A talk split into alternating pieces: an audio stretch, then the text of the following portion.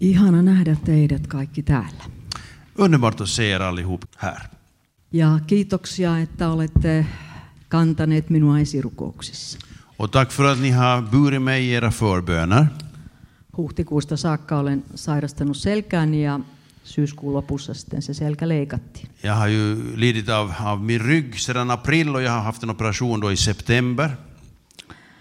Äh, Ja ehkä sitkeimmät rukoilijat vieläkin jaksaa muistaa. Och jag hoppas att de segaste förebedjarna ännu fortsätter och orkar fortsätta be för mig. koska kivuttomammaksi vielä tahtoisin. För jag skulle nog ännu gärna vilja bli lite mindre, eh, ha, lite mer smärtfri än vad jag är.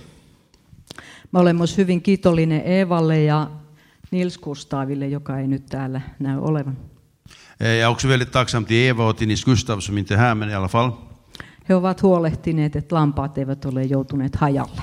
Och De har sett till att inte fåren har gått all världens väg.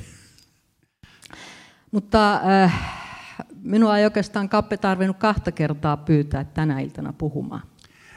Men Gabby behövde inte be, be mig flera gånger till, för att komma och tala ikväll. Koska äh, haluaisin jakaa jotakin sellaista, jota koin tuon leikkauksen yhteydessä. För jag skulle faktiskt vilja dela någonting med er som jag upplevde i samband med operationen. Äh, jos en saanut heti välitöntä äh, kivuttomuutta kehooni, Eh, Om jag också inte fick kanske omedelbar lindring i min smärtsituation niin sain jotakin ehkä vielä kallisarvoisempaa. så fick jag uppleva någonting som var kanske ännu dyrbarare för mig. Minut on kaksi kertaa aikaisemmin leikattu ja olen siis herännyt narkoosista, Jag har blivit opererad eh, ett par gånger förut och vaknat upp ur narkosen. mutta mitään tällaista en ole kokenut aiemmin. Men något som jag upplevde nu så det har jag inte upplevt tidigare. Koin, että juuri ennen heräämistä olin hyvin kauniissa, ihanassa paikassa. Eh, strax innan jag vaknade upp så upplevde jag att jag var på en mycket vacker, skön plats. En oikein osaa kuvailla sitä tarkemmin, mutta yhden asian nostan. Jag kan inte beskriva den närmare, men det är en sak som jag ändå vill nämna. Ää, Minun oli äärettömän hyvä olla. Jag hade det väldigt bra att vara. En ole koskaan ennen kokannut sellaista niin kuin onnen tunte, tunteen voimakkuutta. Jag tror inte jag någonsin tidigare upplevt en sån lyckokänsla. Ja hetken aikaa en olisi halunnut siirtyä sieltä pois. Och för en stund så ville jag inte liksom komma ut ur den där upplevelsen. Mutta äh, sitten äh, heräsin narkoosista ja ihmettelin, kuinka selvästi kuulin heti ja ymmärsin kaiken sairaanhoitajan puheen. Sedan vaknade jag ur narkosen och jag, jag förvånade, blev förvånad över hur bra jag liksom genast kunde höra och förstå vad sköterskorna sade och gjorde. Ja siinä kun sitten ajattelin kokemaani, niin mä koin, että mä olin saanut äh, kokea häivähdyksen, maistaa häivähdyksen Jumalan valtakunnan ilmapiiriä. Och när jag sen reflekterade över det jag hade varit med om så, så förstod jag det på det sättet att jag hade fått en liten, liten försmak av den atmosfär som finns i Guds rike, i himlen. Ja minulle aivan kun annettiin kolme sanaa, Och jag fick tag i tre ord i det här sammanhanget. rauha, lepo ja hiljaisuus, joka merkitsi myös kiireettömyyttä. Frid och vila och eh, lugn som också betyder att man är fri från stress av alla slag. Ja Eller brott, att det inte är så bråttom. äh, tähdennä nyt, että tämä ei ollut vierailu taivaassa. Och jag vill- vill understryka att det här var inte fråga om ett besök i himlen. No sitten kun äh, siirryin tähän reaalimaailmaan, Och när jag sedan då f- förflyttades till- så att säga, till den här verkliga världen niin mä niin kuin tajusin tämän valtavan eron, mikä on Jumalan valtakunnan ilmapiirin ja sen ilmapiirin välillä, mikä on tässä maailmassa. så förstod jag ändå någonting av den här stora skillnaden mellan atmosfären i Guds rike och den atmosfär som finns i den här världen. Ja mä tajusin, että Jumala ei ole koskaan tarkoittanut ihmiselle tällaista asuinpaikkaa. Och jag förstod att Gud har ju aldrig planerat eller tänkt att människor skulle behöva leva i den här världens atmosfär. Eh, Jumala on alussa luonut ihmiselle valtavan ihanan maailman, jossa on valtavan ihana ilmapiiri ja rauha ja lepo ja kauneus ja kaikki. Gud, I begynnelsen så skapade Gud en skön värld, en underbar värld för människan att uppleva friden och vilan och skönheten.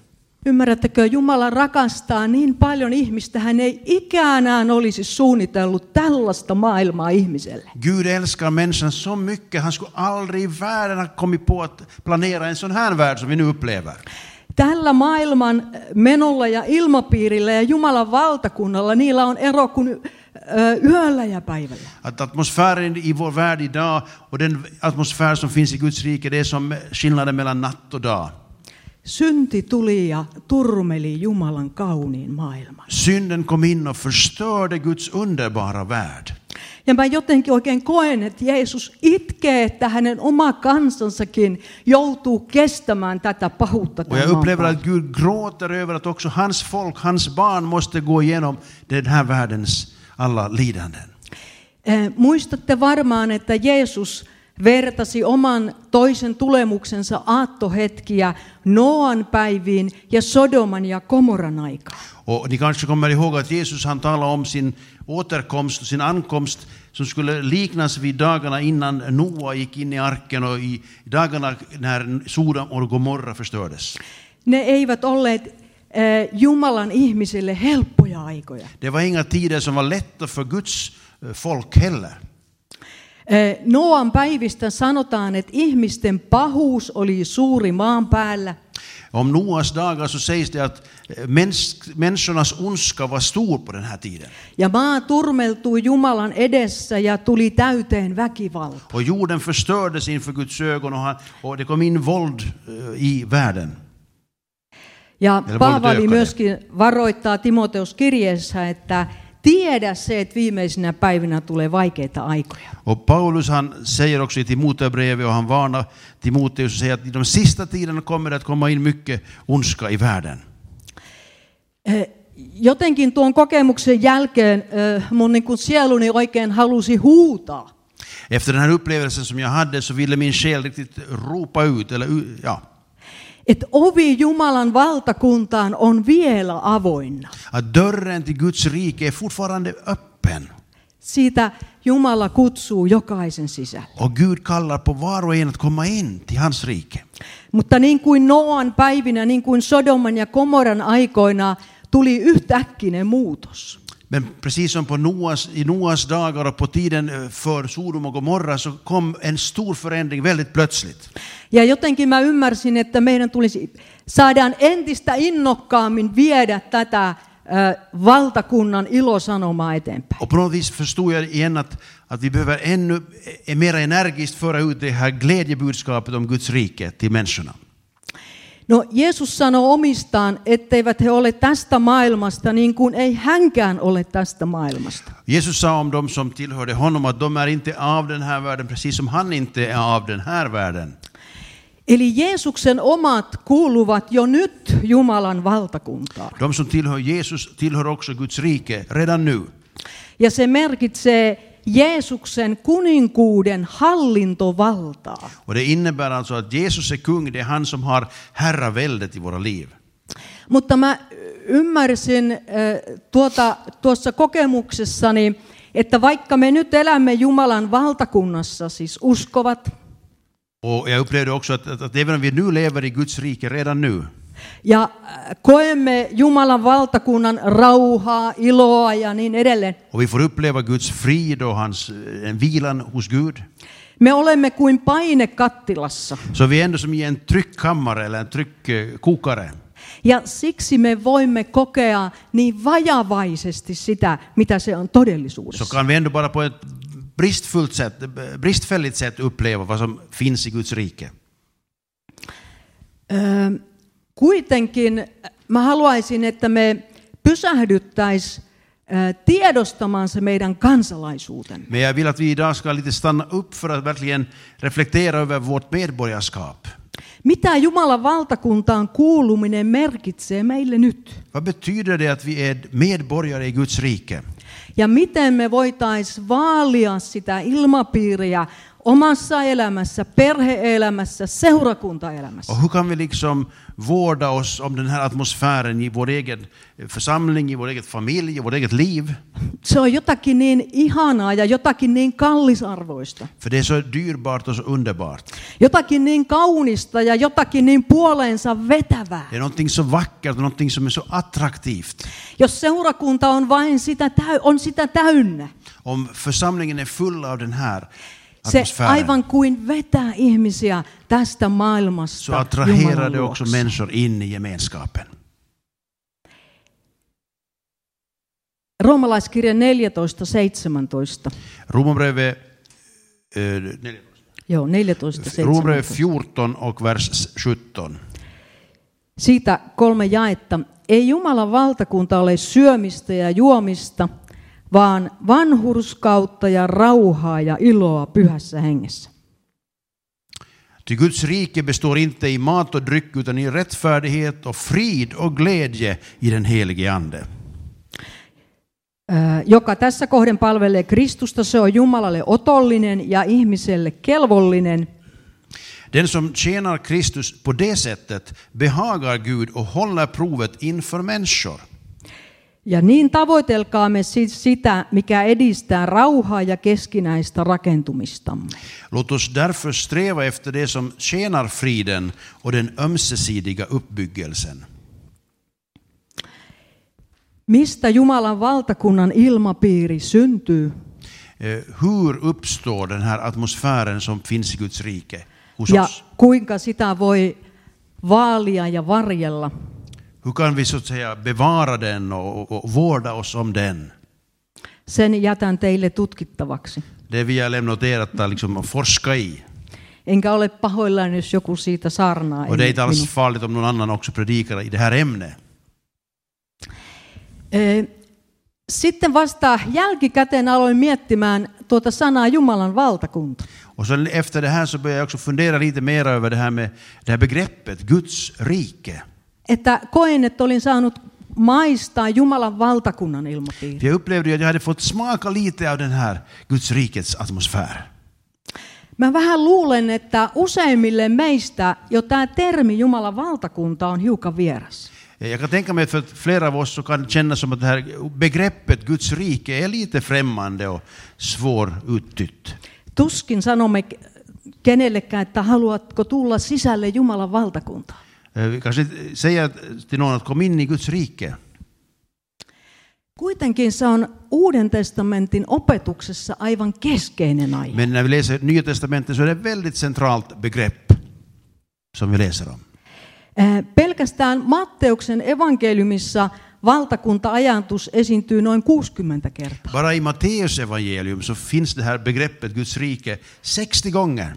Eh, Tosin hän puhuu taivasten valtakunnasta, koska hänen kohde eh, lukija kuntansa on juutalaiset, jotka tahtovat kiertää Jumalan nimen Och mainitsemista. eh, han använder i det sammanhanget ofta ordet himmelrike, därför att bland judarna så vill man inte säga Guds namn, så att säga. Suurin osa Jeesuksen vertauksista puhuu Jumalan valtakunnasta. Och en stor del av de här liknelserna som Jesus berättar, de handlar om himmelriket, om Guds rike. Ää, Ajattepa Matteuksen evankeliumin ö, 13 luvussa on kahdeksan ää, taivasten valtakuntaa koskevaa vertausta. I Matteus 13 så finns det åtta liknelser om just himmelriket, om Guds rike. Ja, ja hänen tulemustaan koskevat vertaukset aina alkaa, että taivasten valtakunta on verrattava siihen ja Och när tähän. han talar också om, om, om sitt, sitt, eh, sin ankomst så talar han om att med himmelriket är det så här. Och så berättar han en liknelse. Ja Jeesus saarnasi Jumalan valtakunnan evankeliumia. Och han alltså predikade evangeliet om Guds rike. Hän käski opetuslasten viedä ö, Jumalan valtakunnan evankeliumi kaikkeen maailmaan ja sitten tulee loppu. Och han eh, gav uppdraget åt sina lärjungar att föra ut evangeliet om riket till hela världen. Ja arvaatteko, mikä oli hänen puheensa aihe ylösnoustuaan opetuslapsille? Och lägg märke till vad han talade om när han hade uppstått och talat till sina lärjungar. Oletko pysähtynyt ajattelemaan, että mistä hän Jeesus puhui sen 40 päivän aikana? Har ni tänkt på vad han talar om de- under de här 40 dagarna efter uppståndelsen?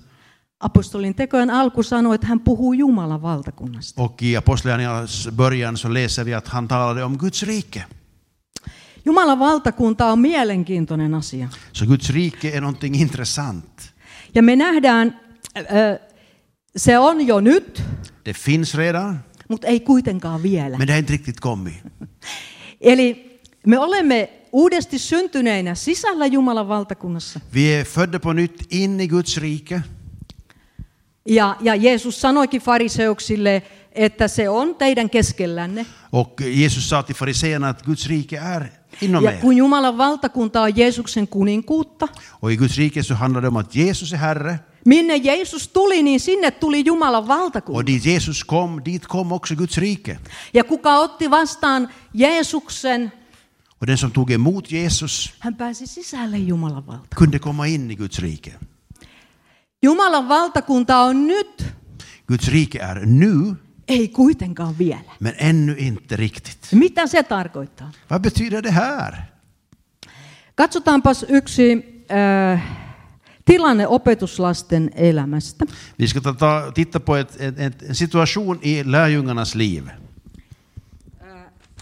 Se on kolmessa evankeliumissa kerrottu Det talas om det här i tre av evangelierna. ja otetaan se nyt Matteuksen evankeliumista. Och vi tittar på den berättelse som finns i Matteus evangelium. Matteus 16. Matteus 16 Se on sitten Markuksessa ja Luukassa myöskin. Det finns också i Markus och i Lukas. Ja tämä tilanne on äh, ö, loppukesästä. Eh, Det handlar om en, en situation i slutet av sommaren. Ja seuraavana keväänä on se pääsiäinen, jolloin Jeesus ristiinnaulitaan. Och följande eh, vår efter det här så då är det då den tid när Jesus blir korsfäst. Jeesus on alkanut puhua opetuslapsilleen ristin kuolemastaan, Och Jesus har ylösnousumuksesta. nu börjat berätta för lärjungarna om sitt kommande lidande och korsdöd. Ja tästä Matteus 16 luvusta me nähdään, kuinka Pietari on käynyt nuhtelemaan Jeesusta. Och här i det här kapitlet så läser vi om hur Petrus har gått och liksom förmanat Jesus om vad Että han älköön pratar se om. ikinä tapahtuko Det här sinulle. får ju aldrig någonsin hända i ditt liv. Ja Jeesus sanoi aika kovan sanan, mene Voi- pois minun edestäni saatana. Och pa- Jesus tar tag i det ganska radikalt och säger gå bort ifrån mig Sinä et Satan. ajattele sitä, mikä on ö, Jumala, vaan sitä, mikä on ihmistä. Du talar inte det som är av Gud, utan du talar det som är människornas tankar. Eli voimme ajatella hyvin, että se mitä kohta tapahtuu ei ollut ainakaan Pietarille minkään oman ansion tähden. Och det här som, eh, som skulle hända var inte någonting som Petrus ville, ville se hända. Matteuksen ö, 16. luvun viimeinen jae sanoo näin. Sista versen i kapitel 16 alltså. Totisesti minä sanon teille, tässä seisovien joukossa on muutamia, jotka eivät maista kuolemaa ennen kuin näkevät ihmisen pojan tulevan kuninkuudessaan. Eh, amen säger jag er, några av dem som står här ska inte smaka döden förrän de får se Människosonen komma i sitt rike. Ja sitten ö, lukujako keskeyttää tämän nyt hankalasti. Och sen så kommer det liksom ett kapitelavbrott här, lite besvärligt. Markuksessa, Markuksessa ja Luukassa ei ole näin. I Markus och Lukas så är det inte eh, av- delat på det här sättet. 17. luku jatkaa. Men i, for- vi fortsätter i kapitel 17. Kuuden päivän kuluttua Jeesus otti mukaansa Pietarin sekä Jaakobin ja hänen veljensä Johanneksen ja vei heidät korkealle vuorelle yksinäisyyteen. Sex dagar därefter tog Jesus med sig Petrus och Jakob och hans bror Johannes och förde dem upp på ett högt berg för att vara ensam med dem. Ja hänen muotonsa muuttui heidän edessään, hänen kasvonsa loistivat niin kuin aurinko, ja hänen vaatteensa tulivat valkoisiksi niin kuin valo. Och han förvandlades inför dem, hans ansikte lyste som solen och hans kläder blev vita som ljuset. Ja katso, heille ilmestyivät Mooses ja Elias, jotka puhuivat hänen kanssaan. Och se, Mose och Elia visade sig för dem och de samtalade med honom. Niin Pietari rupesi puhumaan ja sanoi Jeesukselle, Herra, meidän on tässä hyvä olla.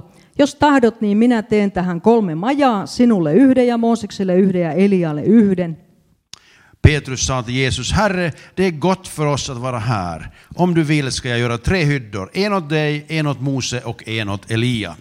Hänen vielä puhuessaan katso, heidät varjosi valoisa pilvi, ja katso pilvestä kuului ääni, joka sanoi, Tämä on minun rakas poikani, johon minä olen mielistynyt, kuulkaa häntä.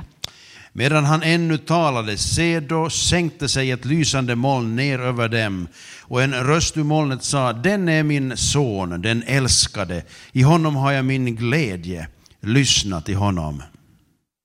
Nämä kolme opetuslasta saivat hetken kokea Jumalan valtakunnan tulemista kuninkuudessaan. De här tre lärjungarna som var med Jesus fick för ett ögonblick uppleva hur Guds rike uppenbarar sig.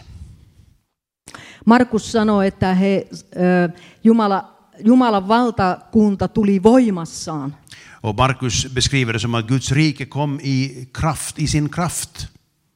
He saivat nähdä kirkastetun Jeesuksen. Och de fick se en förhärligad Jesus.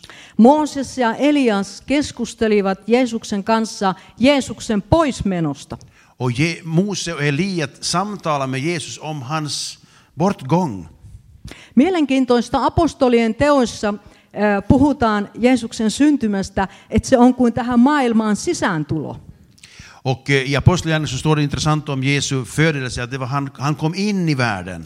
Ja nyt keskustellaan ö, ulosmenosta, poismenosta, joka käsittää hänen ristin kuolemansa, ylösnousemuksensa ja taivaaseen Och nu talar astumisensa. man alltså om hur han skulle gå ut ur världen, alltså om hans korsdöd, hans uppståndelse och hans himlafärd.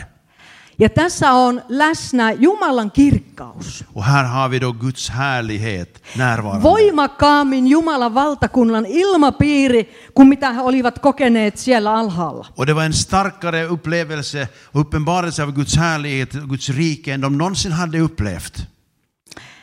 Ää, Ja siinä Pietari sanoo, Herra, meidän on tässä hyvä olla. Och Petrus han bara utbrister sig att Herre, Herre det är gott att vara. Mitä enemmän on läsnä Jumalan kirkkauden ilmapiiri, Ju mer vi siellä on upplever Guds ihmisen hyvä olla. härlighetsatmosfär, där mår människor så bra. Sen tähden meidän tulee seurakunnassa tavoitella sitä. Och därför behöver vi sträva efter att få uppleva det här mitt i församlingen. Olen kokenut äh, nyt aamuisin rukoillessani, Och jag har upplevt nu under morgonen när jag har haft min morgonbön, suoraan sanottuna en kipujen ja lääkityksen tähden oikein pysty keskittymään rukoukseen. eh, det är lite så här när jag har ganska mycket smärtor så har jag lite svårt att koncentrera mig på att be. Jumala on armahtanut minua, Men Gud har varit barmhärtig med mig hän on neuvonut minua, och han har gett mig råd. koska se on jäänyt ainoaksi mahdollisuudeksi. För det här bara, jag har bara haft en, en, liksom ett alternativ här. Mä kävelen pitkin mun kotiani, Jag går runt i min lägenhet, koska mitt hem, is- istuminen on myrkkyä selälle. för att, att sitta ner det är liksom gift för ryggen. Ja mä laulan hengessä. Och så sjunger jag i anden. Se on kaikkein tehokkain tie keskittyä rukoukseen. Och det är det absolut bästa sättet för mig att få, kunna fokusera på bönen. Ja mä koen, että Jumala tahtoo täyttää seurakuntaansa niin vahvasti pyhällä hengellä, että me ei olla sitä vielä koettu. Och jag upplever att Gud vill uppenbara sig med sin härlighet i, i församlingen på ett sätt som vi ännu inte har fått uppleva. Jumala haluaa nostaa seurakuntaansa sitä ylemmäksi, mitä pimeämmäksi tämä aika menee. Och Gud vill upp, lyfta upp sin församling ännu högre ju mörkare det blir här i världen. Ja meidän ei täällä tarvitse puhua siitä, miten pimeäksi se aika on jo nyt mennyt. Och vi behöver inte ens tala om hur mörkt det redan är i världen. Mutta me tarvitsemme Jumalan voimaa ö, ollaksemme pää pystyssä tässä ajassa. Men vi behöver Guds kraft för att kunna stå med huvudena, med ryggen rak i den här Ja världen. ne, joilla on erityisen vastuullisia tehtäviä tällä, ne tarvitsevat paljon esirukousta. Och de som har ansvarspositioner eller roller i församlingen, de behöver mycket förbön. Ö, Eh, Koska työpaikoilla ja muualla paine heidän päällänsä on kaikkein kovin. Och de har också stort eh, tryck på sig på sina arbetsplatser. Seurakunnan esirukouksella tulee olemaan entistä suurempi merkitys. Att församlingens förböner kommer att ha allt större betydelse. Ja Jumala voi ilmestyä siellä, missä ihmiset palvelevat arjen Och keskellä. där kan också Gud uppenbara sig mitt i vardagen eh, genom de här människorna. Mikä oli tuo sanoma tuossa tilanteessa opetuslapsille? Vad var budskapet i den här situationen som vi läste om till lärjungarna? Pilvestä kuului ääni. Det kom en röst ur molnet. Tämä on minun rakas poikani, johon minä olen mielistynyt. Kuulkaa häntä. Den är min son, den älskade. I honom har jag min glädje. Lyssna till honom. Kaikki mitä Jumala antaa meidän kokea, tähtää tähän yhteen ja samaan Och asiaan. allt det som vi, Gud låter oss uppleva, det liksom siktar på just den här saken. Jeesukseen, kuulkaa häntä. Till, det för oss alltså till Jesus och honom ska vi lyssna på. Lyssna till honom. He olivat varmaankin Hermonin vuoren harjanteella. Eh, De var antagligen på, på Hermonsberg, på sluttningen av Herm, Hermonsberg. Ja kun he sieltä tulivat alas, niin siellä oli isä, jonka pojassa oli ää, riiva ja henki. Eh, Och när de sedan kom ner från berget så möttes de av en man vars son var, hade, hade eh, no, besvärades onda andar. Ja he eivät olleet kyenneet, opetuslapset, jotka olivat siellä, eivät olleet kyenneet ajamaan sitä Och ulos. lärjungarna som hade mött den här pappan och och sonen hade inte kunnat hjälpa honom. Mutta Jeesus ei ää, antanut tuon isän pettyä häneen, Men Jesus ville inte låta den här fadern då alltså bli besviken på honom. vaan hän paransi tuon pojan. Utan han botade sonen. Mutta siinä oli valtava ero siellä Hermonin vuoren harjanteella ja alhaalla. Men det var stor skillnad mellan atmosfären uppe, uppe på berget och där nere i dalen. Mitä Pietarille merkitsi tämä tilanne? Vad månne Petrus upplevde i den här situationen? Vad betydde det för honom? Uskomme, että kirkastusvuoden kokemus oli erityisen merkitsevä Jeesukselle itselleen. Vi tror ju att det här, den här upplevelsen, den här händelsen på förklaringsberget var väldigt viktig för Jesus. Mutta hän vei sinne kolme itsessään erittäin vajavaista opetuslasta mukanaan. Men han tog ju med sig tre av lärjungarna, bristfälliga lärjungar, upp på berget. Niin kuin sanon, he eivät oman erinomaisuutensa tähden sinne pääse. Och de kom ju inte dit på grund av sin egen präktighet. Seuraava luku jo kertoo, miten Johannes vuorostaan äh, oli kovasti mehenkinen. I följande kapitel så läser vi om Johannes som hade sån här stark vi-känsla. Me näimme erään sinun nimessäsi ajavan ulos riivaajia, mutta me kielsimme sen, koska hän ei kulje meidän mukana. Och han berättade för Jesus att vi såg någon som i ditt namn drev ut onda andar och vi förbjöd dem att göra så. Ja Jeesus sanoi, älkää häntä kieltäkö. Och Jesus säger att "Nej, men du ska inte, ni ska inte för, förbjuda någon att Joka ei ole teidän, teitä vastaan, niin on teidän puolellanne. de som inte är emot er, de är ju på er sida. Mutta Pietari on kirjoittanut tästä kokemuksestaan toisessa kirjeessään. Petrus han har skrivit om den här händelsen i sitt andra brev. Katsotaan se. Vi ska läsa det. Eli Pietarin toinen kirje ja ensimmäinen luku. Han- Petrus andra brev och första kapitlet. Jae 10 ja 11. Vi läser alltså vers 10 och 11. Pyrkikää sen tähden, veljet, sitä enemmän tekemään kutsumisenne ja valitsemisenne lujaksi, sillä jos sen teette, ette koskaan lankea. Sillä näin teille runsain määrin tarjotaan pääsy meidän Herramme ja vapahtajamme Jeesuksen Kristuksen iankaikkiseen valtakuntaan. Var desto ivriga mina bröder, ivrigare mina bröder att göra er kallelse och utkårelse fast. Gör ni det ska ni aldrig någonsin snubbla och falla. Då ska ni få en fri och öppen ingång till vår Herre och Frälsare Jesu Kristi eviga rike. Pietari kirjoittaa Rooman vankilasta, Han skriver det här eh, när han sitter i ett eh, fängelse i Rom. ehkä 65-68 sillä välillä, Det handlar om åren 65 till 68 någonstans där. Ja hän sanokin siinä jakessa 14, että tiedän, että tämä majani pois paneminen tapahtuu äkisti, niin kuin myös meidän Herramme Jeesus Kristus minulle ilmoitti. Och han skriver här i vers 14 att jag vet att jag plötsligt ska lägga av mitt tält. Det har vår Herre Jesus Kristus visat mig. Eikö ole ihania sanoja kuolemasta pois paneminen? Eh, Tämä eli- minun majani pois paneminen. Är det ett ganska eh, underbart sätt att beskriva sin död? Jag ska lägga bort det här tältet, jag ska inte längre bo i det här tältet. Mä koinkin siinä äh, narkoosista heräämisen koke- kokemuksessani, että jos kuolemaa, uskovan kuolemaa on tällaista, niin sitä ei ainakaan tarvitse pelätä. Och det, det är också på något vis viktigt att vi förstår att vi behöver inte vara rädda för döden. Päinvastoin tämän majan pois paneminen on meille ihan hyväksi. Det är riktigt bra att vi får lägga av oss det här tältet. Mutta niin kuin Paavali sanoi, että meidän, meillä on tarkoituksen mukaista niin kauan kuin on olla vielä täällä. Men Paulus han talar om att, att så länge vi behöver vara här så ska vi vara här naturligtvis. Mm.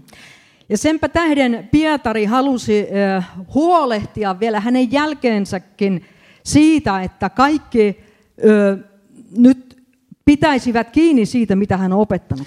Därför ville, var- var Petrus noga med att liksom på något vis understryka det han ville att de skulle komma ihåg också efter att han hade gått bort.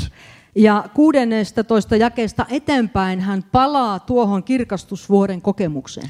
Och från vers 16 så återvänder han till just den här händelsen på förkla- förklaringsberget. Ja äh, nyt mä luen sen Aapeli Saarisalon käännöksen mukaan. Jag ska läsa den från Apeli Saarisalos översättning. Siellä äh, jakessa 19 on vähän tarkennuksia käännökseen. Och det finns en liten sån här precisering i, över, i översättningen just i vers 19. Sillä emme seuranneet ovelasti keksittyjä taruja tehdessämme teille tiettäväksi Herramme Jeesuksen Kristuksen voimaa ja tulemusta, vaan olimme hänen valtasuuruutensa silminnäkijöitä. Det var inte några utstuderade myter vi följde när vi förkunnade för er Herre Jes, eh, vår Herre Jesu Kristi makt och hans ankomst, utan vi var ögonvittnen till Jesu majestät. Sillä hän sai isältä Jumalalta kunnian ja kirkkauden, kun tältä ylhäiseltä kirkkaudelta tuli hänelle tämä ääni, tämä on rakas poikani, johon olen mielistynyt. Ty han eh, blev av f- Gud Fadern ärad och förhärligad när en röst kom till honom från den upphöjda härligheten. Denne är min son, den älskade, i honom har jag min glädje. Tämän äänen kuulimme tulevan taivaasta, kun olimme kanssaan pyhällä vuorella. Den, här, den, den rösten hörde vi själva från himlen när vi var med honom på det heliga berget.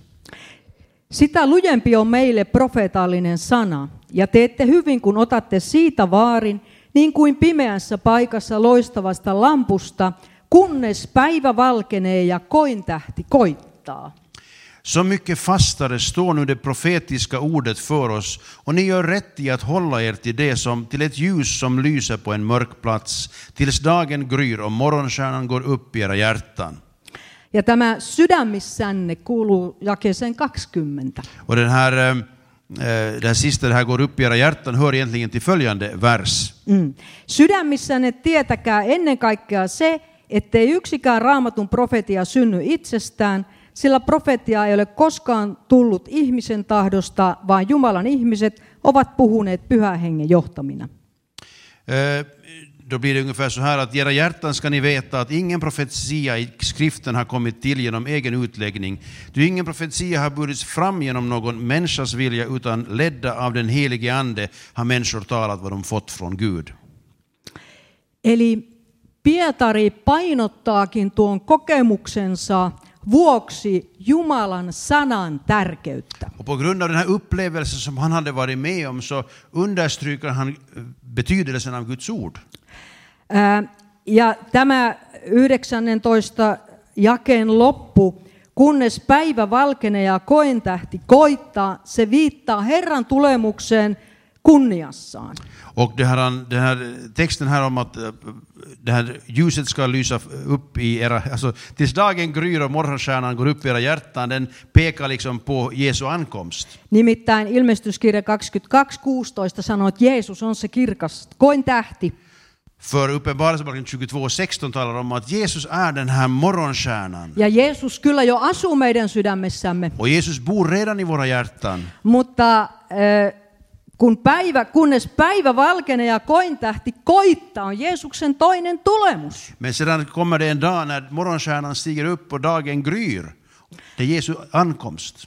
Ja siihen saakka pitäkää kiinni Jumalan sanasta. Och ända till den dagen så ska ni hålla fast vid det här profetiska ordet, Guds ord. Koska se ei ole tullut esiin ihmisen tahdosta, vaan pyhän hengen johtamina ihmiset ovat För det har puhuneet inte sen, minkä kommit fram saivat genom Jumalasta. mänsklig vilja och visdom utan genom att den helige Ande har eh, lett människor att tala det de har fått från Gud. Hyvin tiedätte, että tämä on tässä ajassa äärettömän tärkeä asia. Och det här förstår vi att det är väldigt viktigt just i den här tiden. Ö, eli sana on kokemustakin tärkeämpi. Att ordet är till och med viktigare än upplevelsen. Erilaisilla kokemuksilla ei ole merkitystä, elleivät ne ole sanaan vahvistavia. Och olika upplevelser har inte så stor betydelse om de inte är förankrade och bekräftade av Guds ord. Ja se oli Pietarin niin kuin, ö, vahva johtopäätös. Och det var en sån stark slutsats som Petrus hade dragit av sina upplevelser och vandringen med Jesus. Jumalan valtakunta on ja ei kuitenkaan vielä. Guds rike har kommit men är ännu inte riktigt här. Jo me koimme Jumalan valtakuntaa, katsoimme tilanteen, missä opetuslapsista kolme koki Jumalan valtakuntaa voimassaan eri tavalla. Och vi, har, vi upplever Guds rike eh, på, i olika grad och lärjungarna, de här tre lärjungarna vi läste om, de upplevde Guds rike i stor härlighet och kraft. Ja kerran Jumalan valtakunta on tuleva kuninkuudessaan vielä tänne maan päälle. Och en dag så kommer Guds rike på just det här sättet också till hela världen. Ö, Profeetta Opadian kirja päättyy lyhyesti. Och profeten Obadjas bok, eh, den slutar på ett sånt här sätt. Kuninkuus on oleva Herran. Eh, kungaväldet, eller herraväldet, kommer att vara Herrens. Luen loppuun tähän Danielin kirjan 7. luvusta 13 ja 14 jakeet. Till slut så ska jag läsa från Daniels bok, eh, 17, 17 kap- kapitlet. Ajatelkaa pakkosiirtolaisuuden aikana, about kuus- äh, 600 ennen Jeesuksen syntymää Daniel näki tämän. Eh, Det här handlar ju också om 400 år eh, före, före, Jesus, eh, före Kristus, som Daniel såg den här synen. Daniel 7.13.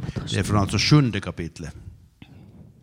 Minä näin yöllisessä näyssä ja katso, taivaan pilvissä tuli ihmisen pojan kaltainen, ja hän saapui vanhaikäisen tykö, ja hänet saatettiin tämän eteen. Ja hänelle annettiin valta, kunnia ja valtakunta, ja kaikki kansat, kansakunnat ja kielet palvelivat häntä. Hänen valtansa on iankaikkinen valta, joka ei lakkaa, ja hänen valtakuntansa on valtakunta, joka ei häviä. Från alltså kapitel 7, Daniels bok, från vers 13. I min syn om natten såg jag och se, en som liknade en människoson kom med himlens skyar, och han närmade sig den gamle och fördes fram inför honom. Åt honom gavs makt och ära och rike, och alla folk och stammar och språk måste tjäna honom. Hans välde är ett evigt välde som inte ska, inte ska ta slut, och hans rike ska inte förstöras. Jeesuksella oli tänne maailmaan tullessaan tämmöinen pitkän tähtäyksen äh, projekti, jos näin voisi sanoa. När Jesus kom hit till världen så hade han liksom en sån här långtidsprojekt framför sig. Äh, Nyt viedään valtakunnan evankeliumia kaikkeen maailmaan. Nu så förs det här evangeliet om riket ut till hela världen. Ja sitten tulee tämän maailman ajan loppu. Och sedan kommer slutet på den här tiden. Ja sitten me astumme tulevaan maailman aikaan. Och efter den här tidsåldern så stiger vi in i den kommande tidsåldern. Ja kaikki tämä tähtää koko äh, tämän ihmiskunnan, niin kuin sanotaan, että hänen lupauksensa mukaan me odotamme uutta taivasta ja uutta maata, jossa vanhurskaus asuu. Och i enlighet med hans löften så väntar vi på en ny tid och en ny jord och en ny himmel där rättfärdighet bor. Sitä on Jumalan valtakunta. För det är Guds rike som består av rättfärdighet. Kiitos Jeesus siitä, Vi tackar dig Jesus för det, että me saamme tuntea sinut. att vi får lära känna dig. Herra, kiitos, että sä olet ihmeellisesti johdattanut, että uskon, että jokainen täällä on oppinut tuntemaan sinut, kuka sinä olet. Och vi tackar dig för den förunderliga ledning du har gett åt oss alla, att vi har fått lära känna dig. Ja saanut antaa elämänsä sinulle. Att vi har fått ge våra liv till dig. Jeesus, me rukoillaan, että sinun kuninkuutesi saa enemmän hallintavaltaa meissä. Jesus, vi ber att ditt herravälde ska bli allt starkare närvarande i våra liv. Yksilöinä ja perheinä Både som individer och i våra familjer, ja seurakuntana. men också i församlingen. Että me saamme voimakkaammin kokea, mitä on olla sisällä sinun Att vi valtakunnassa. ännu tydligare och starkare får veta och förstå vad det betyder att vara i ditt rike. Auta meitä oppimaan sinun valtakuntasi äh, lakeja ja asetuksia, että me eläisimme niiden mukaan. Lär oss att förstå ditt rikets principer och lagar så att vi kan leva därefter. Ja auta Herra meitä tuntemaan sinun sydämen laatuasi, että se tulisi meidän sydämen Och laaduksi. låt oss få lära känna ditt, liksom, ditt hjärtes, hjärtas sinnelag eller eh, kvalitet så att vi också får del av den i våra hjärtan och liv. Ää, avaraa meidän näkökykyä. Och öppna vårt sätt, vår förmåga att se. Anna Herra meillekin sellaista pitkänäköisyyttä, jota sinulla on. Hjäl- Hjälp oss att kunna se lika långt som du ser. Anna meidän myöskin nähdä, miten äärettömän arvokas meidän elämämme on täällä. Och hjälp oss också att förstå hur dyrbart och värdefull vår tid här på jorden är, vårt Että liv. tavalla ja toisella se voi kantaa hedelmää iankaikkiseen valtakuntaan. Att det vi gör här kan få bära frukt ända in i evigheten. Herra, kiitos siitä, että sinä jatkat työtäsi meissä. Tack för att du fortsätter att arbeta med oss. Rukoilemme myöskin, että sinun valtakuntasi tunnusteot ja tunnusmerkit saisivat ilmetä voimakkaammin keskellämme. Och vi ber också att eh, de tecken och under och de kraftgärningar som kännetecknar ditt rike ska få synas och, och ske mycket mera ibland oss. Herra, sinä sanoit, että kun sinä paransit sairaita ja vapautit ihmisiä, että nyt on Jumalan valtakunta tullut teidän luoksenne, Herre, näistä se nähdään. du sa att, att när, när- när du botade sjuka och du, du befriade människor så sa de att Guds rike har nu kommit till dem. Herra, me haluamme kokea sitä enemmän. Herre, det här vill vi uppleva också nu. Ja Herra, kiitos siitä, että sinä sanot, että vähäisinkin sinun valtakunnassa, se on suurempi kuin Johannes Kastaja. Och du sa att den minste i Guds rike är större än Johannes. Se on ihan ihmeellistä. Det är ju helt förunderligt. Herra, sinä katsot ja sinä näet jokaisen meistä. Och du ser varenda en av oss ikväll. Jokaisen taistelut arjen keskellä. Och du ser också var och ens kamp i vardagen. Ja Herra, mä kiitän, että sinä tulet tulevalla viikolla aivan uudella tavalla ilmestymään siellä niissä Och jag taisteluissa. tackar dig för att du vill under den kommande veckan också uppenbara dig mitt i striden, mitt i kampen. Kiitos Herra, että sä jatkat työtäsi. Tack för att du fortsätter att arbeta i oss. Amen. Amen.